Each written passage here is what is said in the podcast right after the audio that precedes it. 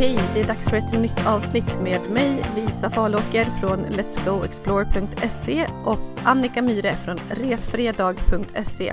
Och det här är podcasten Att resa, podden om att uppleva världen. Och idag så sitter vi som vanligt utspridda, jag hemma i Nacka, Annika är kvar borta på sin longstay i Thailand, men har varit på en liten avstickare. Halloj Annika, hur är läget? Hej Lisa, let's go explore. Jo men det är fint, det är eh, söndagkväll här och eh, vi håller på att förbereda oss för en ny skolvecka.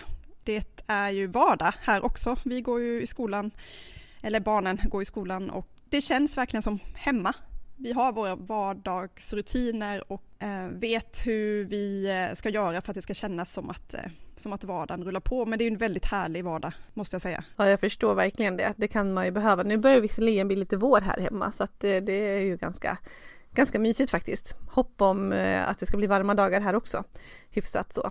Men du har ju varit ute på en sväng. Vi har pratat lite grann i det första avsnittet vi släppte i år, hette Att resa trendigt 2019.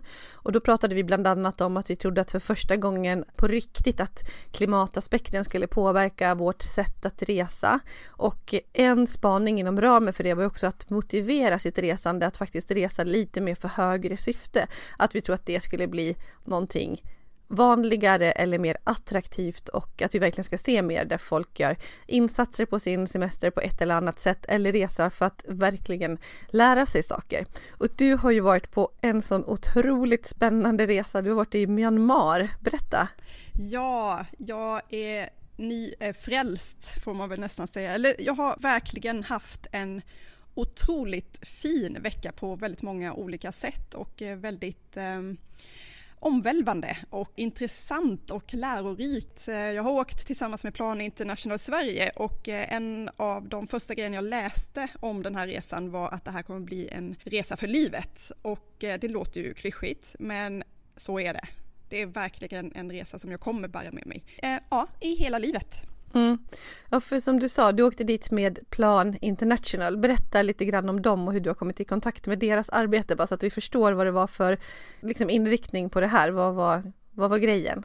Ja, men det här var en fadderresa som Plan International Sverige anordnar tillsammans med Världens resor. Och, och syftet är att Plan International vill visa upp sina projekt ute i världen, alltså att jag som fadder ska kunna se hur verksamheten går till och att de vill vara transparenta för att se var pengarna tar vägen så att eh, jag som resenär får åka till olika projekt som de har hand om ute i världen helt enkelt. Och Plan International, det är en politiskt och religiöst obunden barnrättsorganisation. Alltså de vill inte prata om sig själva som välgörenhetsorganisation utan det här är en organisation som eh, fokuserar på barns rättigheter och Fokus ligger faktiskt på flickors lika villkor. Anledningen till det är flickor är dubbelt diskriminerade. De är diskriminerade i egenskap av flickor och i egenskap av barn. Så att man utgår från barnkonventionen och så jobbar man för barns rättigheter ute i världen. Och jag kom i kontakt med, med Plan International Sverige första gången 2012. Och då var det i samband med att jag sprang Tjejmilen för att uppmärksamma deras eh, kampanj som heter Because I am a girl och där var ju du också med Lisa. Mm, ja men precis. Och det var ju så vi träffades första gången via, mm. via dem så vi får väl tacka Plan för den här podden i, i slutändan. Ja. men anledningen till att jag engagerade mig, alltså jag, jag var redan inne på ideella organisationer. Jag, hade, jag jobbade på en eh, ideell organisation i fem år som förbundsjurist och började ungefär, jag började där 2000 12, precis samtidigt. Så att det var inget främmande för mig och jag har varit engagerad i volontärarbete sedan jag var väldigt liten. Eh, så att det här kom sig naturligt, det var inga konstigheter. Och att jag reste på den här resan var att jag sa upp mig för två år sedan från min tjänst som förbundsjurist på den här ideella organisationen. Och vi jobbade mycket med internationella frågor och i samband med att jag blev egen, det har varit fantastiskt och det är som frihet du vet. Jag pratar mycket om det, att jag, jag kan skriva om resor, jag kan eh, ha mitt eget liv, men jag saknade den aspekt av mitt liv. Att jobba på ett jobb där jag varje dag kände att jag gjorde en skillnad i världen det saknade jag. Så att eh, jag tog själv kontakt med Plan igen och sa att Nej, men jag vill ha något mer nu när, eh, när jag har tiden. Så det var så lite vi började prata om den här resan, att den kom till stånd. Så jag åkte med dels i egenskap av flickafadder, att jag är flickafadder själv, men också för att eh, skriva lite grann om resan. Så jag var resande reporter under den här tiden. Mm. Och om man säger generellt, de som åker på de här resorna, det är ju någonting som alla som är flicka fadder då, eller som är faddrar genom Plan International har möjlighet att göra. Ja, fast eller? inte bara. Nej. Det, det, är en fadderresa, men, men resan är öppen för alla. Okay. Så att vi hade en, en person på resan var inte eh, flickafadder eller fadder. Det är två stycken olika liksom, fadderskap du kan välja i mm. organisationen. Om du är fadder, då har du ett specifikt fadderbarn och är du flickafadder så stöttar du liksom olika fadderprojekt ute i världen. Så en person reste med oss för att hon, eh, ja, men hon tyckte att upplägget var otroligt bra. Eh, hon ville till Myanmar, Burma eh, men hon blev också intresserad av projektverksamheten så det var ju en superbonus för henne att få det här också, den sidan av resan. Men de andra resenärerna som är med, de är väldigt engagerade, skulle jag säga generellt, och har varit eh, faddrar länge och eh, jobbat som volontär en del av dem och hade fadderbarn som de skulle träffa, två av paren. Och det var väldigt skilda bakgrund också. Man kan inte säga att det finns liksom en typ av person som reser på den här resan. Vi var nio stycken i gruppen mellan 27 och 70 år med väldigt olika bakgrund. Så det var en väldigt intressant konstellation som vi hade. Vad häftigt, hur var det då med att åka på som en gruppresa? Ja, alltså det var ju faktiskt om vi pratar så här, vilka var utmaningarna inför resan och liksom, ja, var det någonting som du var, hade lite svårt för inför resan? då var det faktiskt ärligt talat en av de grejerna att resa på en gruppresa med folk som jag inte då kände till. Alltså jag har ju rest väldigt mycket ensam och inget problem med det, men att då komma i en grupp som du inte själv har valt och resa väldigt nära och intensivt, du spenderar ju liksom resan tillsammans med de här personerna, var någonting som jag hade lite respekt för och eh, det visade sig då att det var ju en av de allra bästa sakerna med resan i slutändan. Att eh, ja, men första dagen känna lite på varandra och sen så var det Ja, det var många tårar, många skratt, så mycket gemenskap och så många insikter, så många djupa samtal. I och med att man åker på sina resa så, vi sa det, liksom, man, går, man skippar de här ytligheterna, går direkt på väsentligheterna. Vi började snacka direkt religion, politik, ekonomi, alltså sådana saker som man inte gärna pratar om hemma i Sverige över en lunch eller över jobb, en eh, jobbfika, utan det här var rätt på liksom. Mm, vi chattade ju lite grann när du var där, det gör vi ju alltid typ hela dagarna och pratar om spaningar och saker som händer och det är väl kanske någonting som jag också tänkte just när vi chattade att det var mycket i det du skrev som handlade väldigt mycket om människor som du träffade där. Alltså det var lika mycket om det som det ni var med om och eh, stället i sig och eh, alla upplevelser och erfarenheter som ni fick där. Men att du pratade väldigt mycket om just det här med människorna i gruppen och det kanske jag vet inte, de som väljer också att åka på någonting sånt här är ju genuint intresserade och det är ju en hel sån livsåskådningsgrej nästan.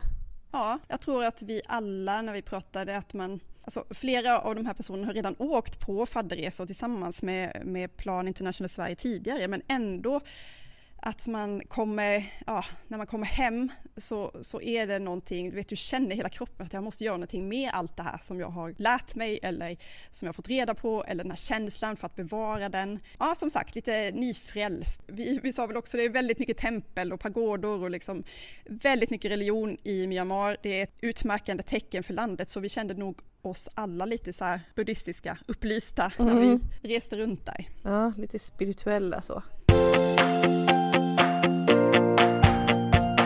Men om man pratar om vad du såg utav eh, Plans verksamhet på plats, för att jag tänker att vi kan börja lite grann där. Ja, det som vi gjorde under den här tiden, jag kan säga att det, resan var två veckor lång. Jag var med första veckan och första veckan var vi i Myanmar då. Och andra veckan så är de i Thailand och de är där just nu när vi spelar in det här. Så de åkte vidare. Eh, jag lämnade dem i Mandalay och, eh, och då åkte de vidare och hade ytterligare en vecka på plats i Thailand i norra Thailand. Så dels får du, ja de fick besöka två olika land, jag var med en vecka. Av de här två veckorna så var fem stycken dagar projektdagar på plats och i Myanmar så var det två heldagar som var projektdagar och det innebär att vi då fick se verksamheten på plats. Först åkte vi till deras lokala kontor för att få en dragning om organisationen och väldigt mycket så här säkerhetssnack, vad som gäller, vad vi skulle tänka på. Och de här två, eh, två dagarna så hade vi med oss eh, lokal personal, alltså planpersonal som jobbar där nere och vi fick också träffa verksamhetschefen eller programchefen för, för hela Myanmar då, som var en otroligt inspirerande kvinna som hade, ja men hon växte upp i i Myanmar. Men det har varit mycket oroligheter, hon såg sin familj fängslas, hon var så arg så hon kunde inte vara kvar i landet så hon reste till USA och var där i 18 år och sen liksom komma tillbaka och bara nu ska jag, nu ska jag göra en förändring. Jag ska verkligen liksom göra skillnad för mitt land. Och det har hon gjort tillsammans med sin personal. Väldigt, väldigt eh, bara, bara vi träffade henne så kände man att det, det spred sig en energi. Och hon har gjort väldigt mycket, ja, gör väldigt mycket för landet, för barns rättigheter på plats tillsammans då med den Eh, personalen. Det var genomgående att vi kunde se vad, vad, engagerade de är och att det inte är så här, vet, vi ska rädda världen, jag ska komma hit och rädda världen, utan det är att de gör det tillsammans med byarna som de jobbar tillsammans med. Det är väldigt, väldigt viktigt att göra det jobbet tillsammans. Alltså de åker ut till byarna och frågar vi finns till hands om ni behöver oss. Vad behöver ni? Eh, och så får byarna själva liksom komma fram till vad det är som de behöver. Och de får själva göra jobbet. Alltså, är det en förskola som ska byggas så får byarna själva bygga upp det. Det är jätteviktigt att alla får liksom gemensamt få göra det här med stöd från plan såklart, ekonomisk hjälp. Men tanken är inte att plan ska finnas där och eh, göra jobbet åt dem för de ska kunna lämna platsen och allting ska funka sen. Det är, det är så det går till. Eh, och de projekten som vi eh, såg när vi var där började med att vi åkte till ett eh, projekt som handlar om att få ungdomar i sysselsättning. Och det här projektet ligger i ett område som är väldigt eh, turist tätt, det är många turister som kommer dit. Och då har det tidigare varit så att på många ställen där det är mycket turister så reser det ju dit personal från andra ställen för att de kan turism och för att de är utbildade, de kan engelska. Vilket innebär att du har ett område med massa byar med massa ungdomar som är arbetsföra. Men de fick aldrig chansen att jobba. Det sades typ att nej men det är ingen idé att de kan ändå inte. De har inte de skillsen vi behöver för att jobba med turister. Så att de hjälper till. De tar in de här ungdomarna på den här utbildningen och så får de lära sig om turism, de får lära sig engelska, de får lära sig hur det funkar och sen blir de attraktiva på arbetsmarknaden för att komma ut och jobba inom turistnäringen. Så vi fick snacka med de här ungdomarna, jätteinspirerande och höra om hur de eh, hade hört talas om projektet, vad de hade för framtidsplaner, vilka idoler de hade. Eh, det var då läraren och Zlatan var deras wow. främsta förebilder. Men sa de det för att du var från Sverige eller var det så? Nej, jag tror att det, du vet, ja.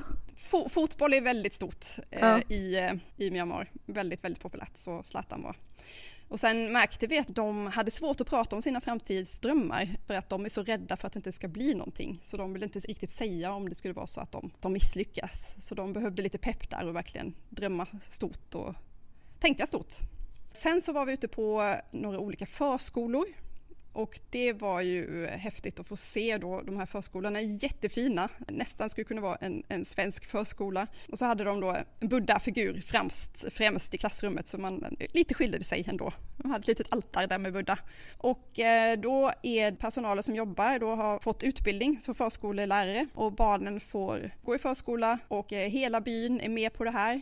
Och de har något som kallas för Village Development Committees, alltså byutvecklingskommittéer som var med och träffade oss då. Så då är hela, liksom hela byn är engagerad och hela byn kom för att träffa oss. De var lika nyfikna på oss, liksom hur det funkade i vårt land som vi var på dem. Ja, men så det satt liksom tanter som eh, såg ut att vara närmare hundra och bara hmm, intressant. Skulle kolla på de här svenska människorna som kom hela vägen för att, för att träffa dem. De hade massa frågor och det var mycket skratt och ja, men det var jättefint att få se. Sen så fick vi se några projekt som handlar om, det är mycket fokus på, eh, på arbete för rent vatten, för hygien eh, och för att barnen ska få en trygg start i livet. Det är ju barnen ändå som är i, eh, i fokus liksom. Barnperspektivet det är det, går igenom allting som, som de gör. Och nu pratar jag jättemycket Lisa, du får verkligen bryta in här för jag känner att jag skulle kunna prata nonstop i ungefär fem timmar utan att dra ett enda andningspaus. Ja, nej men det är svårt att sticka in med saker och frågor för du berättar ju ur hjärtat och du har precis kommit hem vilket eh, var det vi sa innan också att vi ville gärna spela in det här snabbt när du har det nära till hands. Så jag tror liksom inte att jag direkt kan säga några, några frågor som får oss att få mer information men det är superintressant att höra om det här med Plan Internationals eh, arbete där och just olika typer av projekt som det kan vara.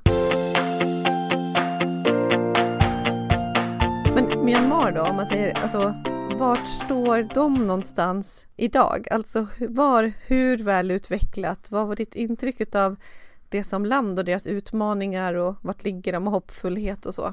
Mm, alltså, historien. Myanmar, jag kan börja, det har jag ju inte ens berättat om, men det är många som, som, som, frågar mig om det här med namnet. Myanmar ja, versus exakt. Burma. Va, vad säger man egentligen? Och ja. När jag säger Myanmar så vet ju inte så många, men Burma, liksom, då vet de direkt.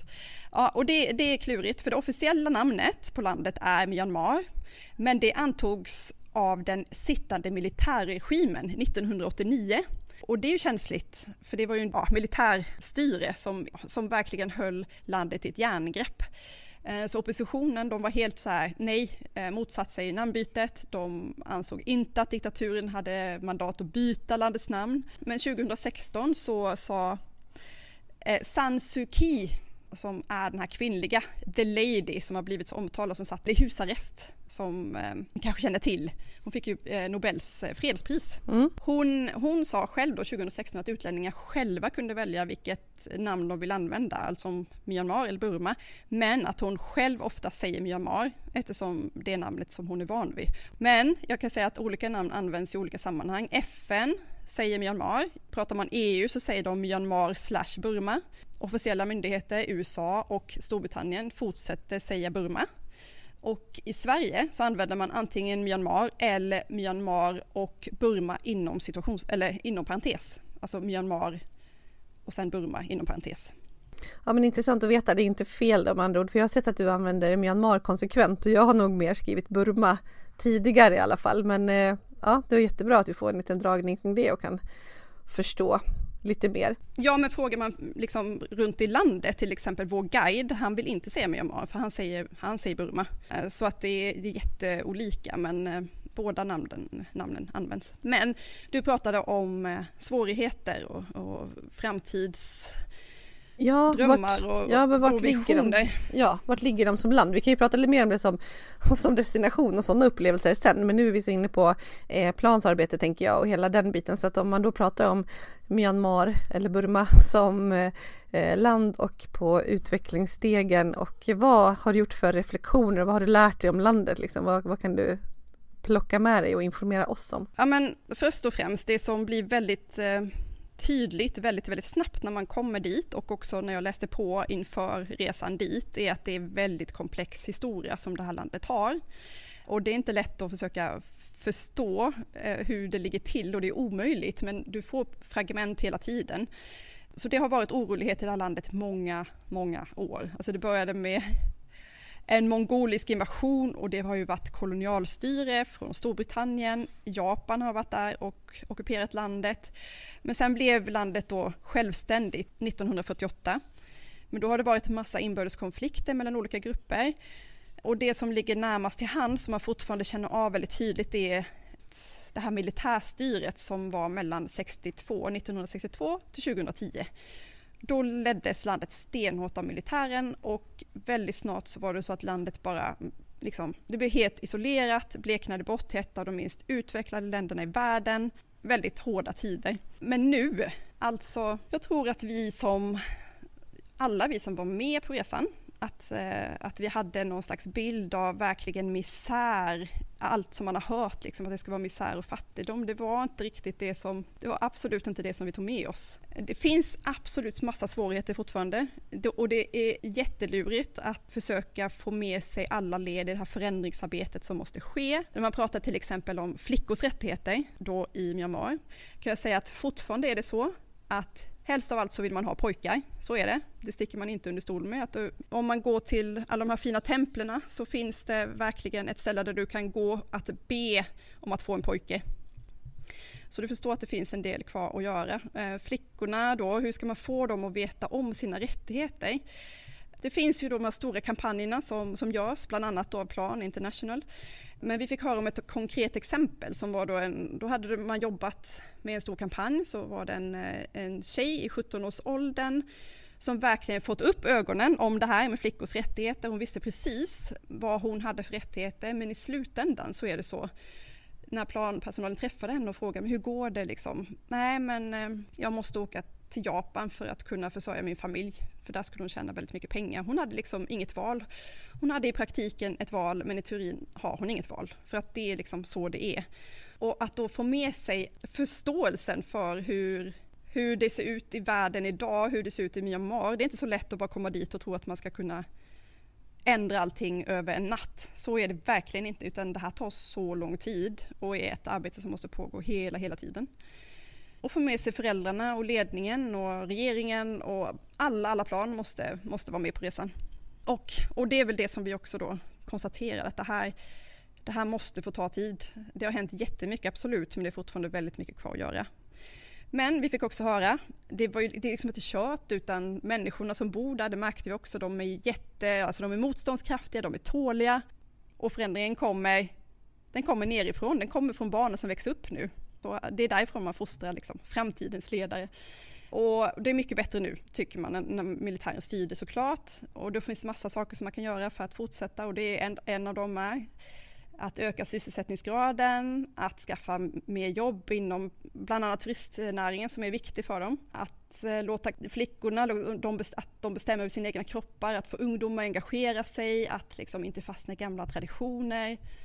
Ah, ja, men det finns framtidstro och när vi kom ut och såg projekten, då såg vi verkligen hur, ja men hur de här liksom, eh, man såg ändå att det, männen, det är ju de som sitter, sitter ju mest män såklart i de här grupperna, men de, hade, de var väldigt angelägna om att ja, men det är barnen som, som nu ska liksom, det, vi vill satsa på barnen, de sa det uttryckligen. Det, vi vill ha skolor här, vi vill satsa på våra barn och ungdomar så att det ska kunna bli bättre framöver. Så det finns ju det finns mycket hopp Lisa.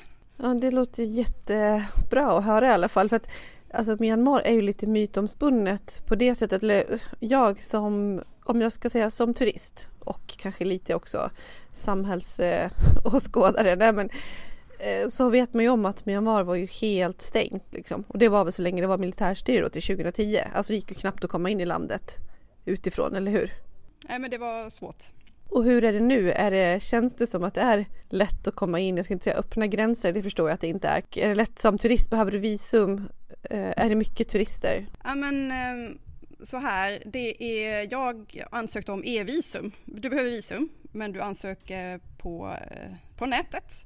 Jag ansökte om visum och fick eh, mitt på ett mail inom typ, jag satt på kvällen och på morgonen så hade jag visumet i min mailkorg så det var en väldigt enkel process. Du behöver inte gå dit liksom till någon eh, ambassad och hålla på och, och stämpla och sådär, utan det var väldigt smidigt. Sen så har det ju eh, ah, det finns ju en aspekt till som vi inte har pratat om som, eh, som vi svenskar just nu då redan en tid tillbaka bara förknippar nästan Myanmar med och det är den enorma kris som faktiskt har skett i Rakhine, alltså med rohingyas. Ja precis, jag tänkte, det tänkte jag faktiskt fråga om. Men vad bra, nu hann du före mig, det var bra. ja, alltså så det är, det är väldigt komplicerat, det finns fortfarande massa motsättningar, massa svårigheter. Eh, och det är en muslimsk minoritetsgrupp då, rohingyas, som har blivit väldigt utsatta för förföljelse och den här förklaringen som vi får när vi är på plats, alltså grejen är att i Sverige har det rapporterats så enormt mycket om det här, vilket innebär att svenska turister har i princip slutat åka dit. Så vår guide då, han menar att vi, liksom svenskarna och skandinaver, det är ett väldigt eftertraktat eh, folk att ha att göra med som turister för de är vi sköter oss liksom. De vill gärna, gärna ha oss och, det, och turistnäringen är superviktig för dem. Det finns mycket att se och göra och de behöver pengarna. Vilket innebär att nu måste de vända sig till i samband med alla de här rapporteringarna som har gjorts så är det färre och färre svenskar som åker dit och då måste de vända sig till nya marknader, vilket är Kina, eh, grannlandet är en av dem. Jag ska bara säga så här Lisa, eh, kineserna är inte riktigt eh, likadana i sitt turistande som vi svenskar är.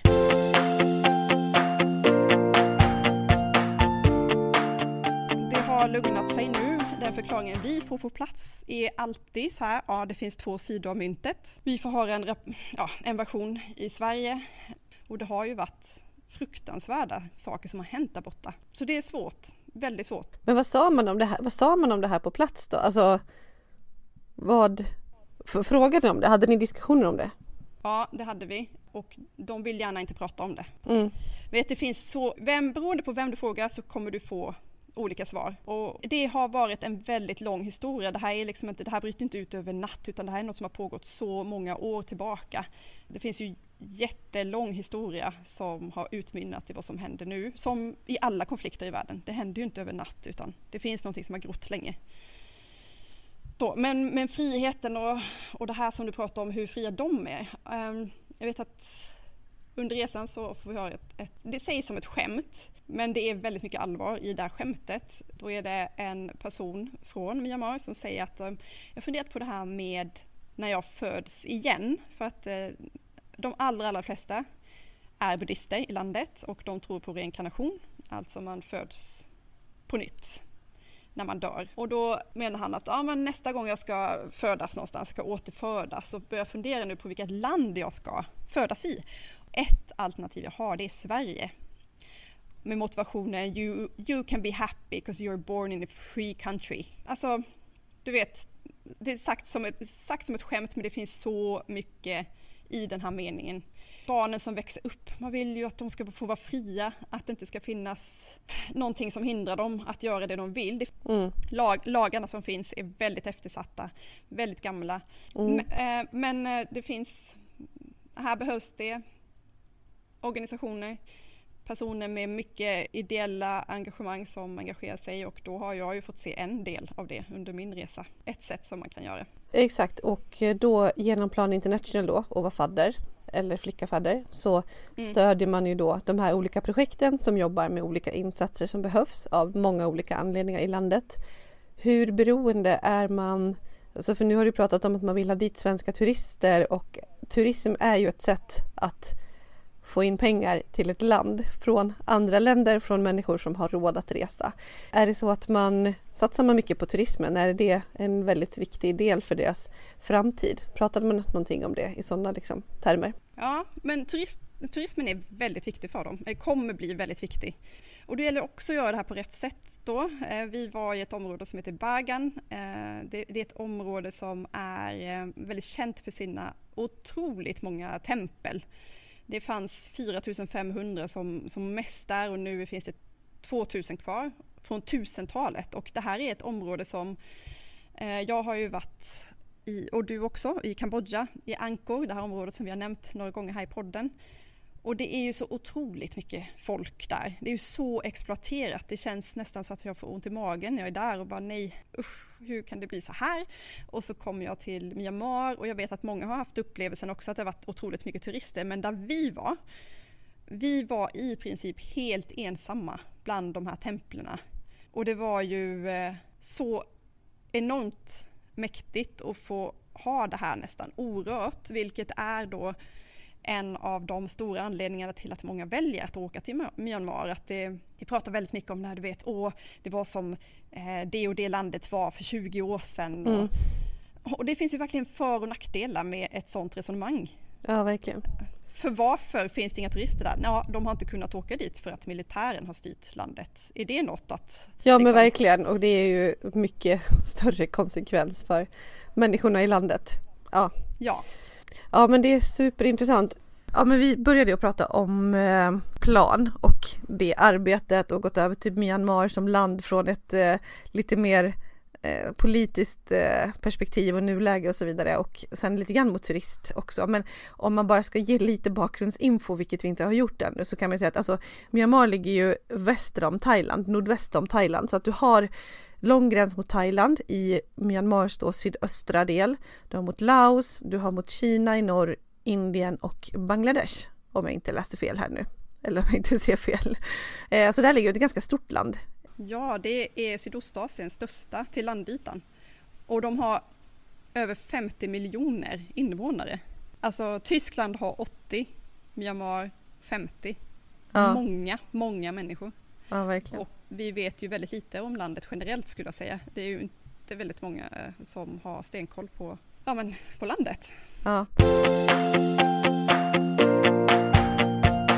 Och om vi då tar lite turistvinkel och lite Myanmar från det perspektivet. Varför ska man åka till Myanmar som turist? Vad är det bästa?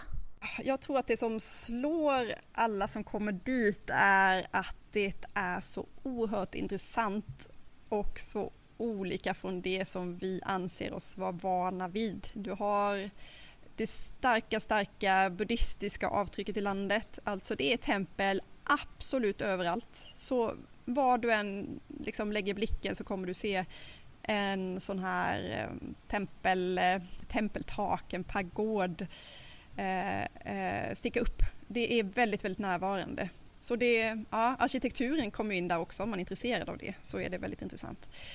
Maten, alltså vi har ätit så god mat. Det är ju asiatiska influenser blandat med deras egna. Och du vet att jag är inte så här generellt att jag åker för maten, det gör jag ju inte. Men vi äter så otroligt bra mat hela veckan. Jättegod mat och jag hade inte ens liksom på kartan att vi skulle äta gott, men det har vi gjort. Vad påminner det om för vilket kök? Ja, men det, är, det är som thai-mat, men det är ju mycket mildare. Väldigt mycket grönsaker, eh, röror. Du, när du beställer in mat så kommer det väldigt många, alltså det är soppa, mycket soppor, linssoppor, eh, grönsakssoppor, goda soppor. Goda soppor Lisa, gott. och, sen så beställer du in, det är mycket ris, så det är ris och så är det olika grytor till. Eh, kyckling, det är kött eller mycket grönsaksröror. Eh, och så har de en väldigt, väldigt berömd tebladssallad som är så god. Det är typ friterade, friterade bönor, teblad, tomat, lök, otroligt gott. Och sen då till efterrätt eh, så får man frukt. Alltid frukt och jag är inte förtjust i papaya eh, milt sagt. Liksom. Jag gillar inte papaya. Men här smakade jag i alla fall och eh, det var det jag beställde in. Alltså det var den godaste papayan jag ätit. Det bara smälte i munnen. Jag vet inte om det är någon annan, det måste vara någon annan sorts papaya, jag fattar inte. Så gott! Vi har blivit så väl omhändertagna. Väldigt vänligt land, väldigt vänlig befolkning. Så sammantaget så är du intresserad av kultur, religion, arkitektur och matupplevelser så, så kommer du tycka att Myanmar är intressant. Och um, om du ska säga någonting som inte är så bra då så är det det vi har diskuterat att om Myanmar hade funnits på Facebook som en person och eh, skulle uppdaterat om sin relation så skulle det stått It's complicated.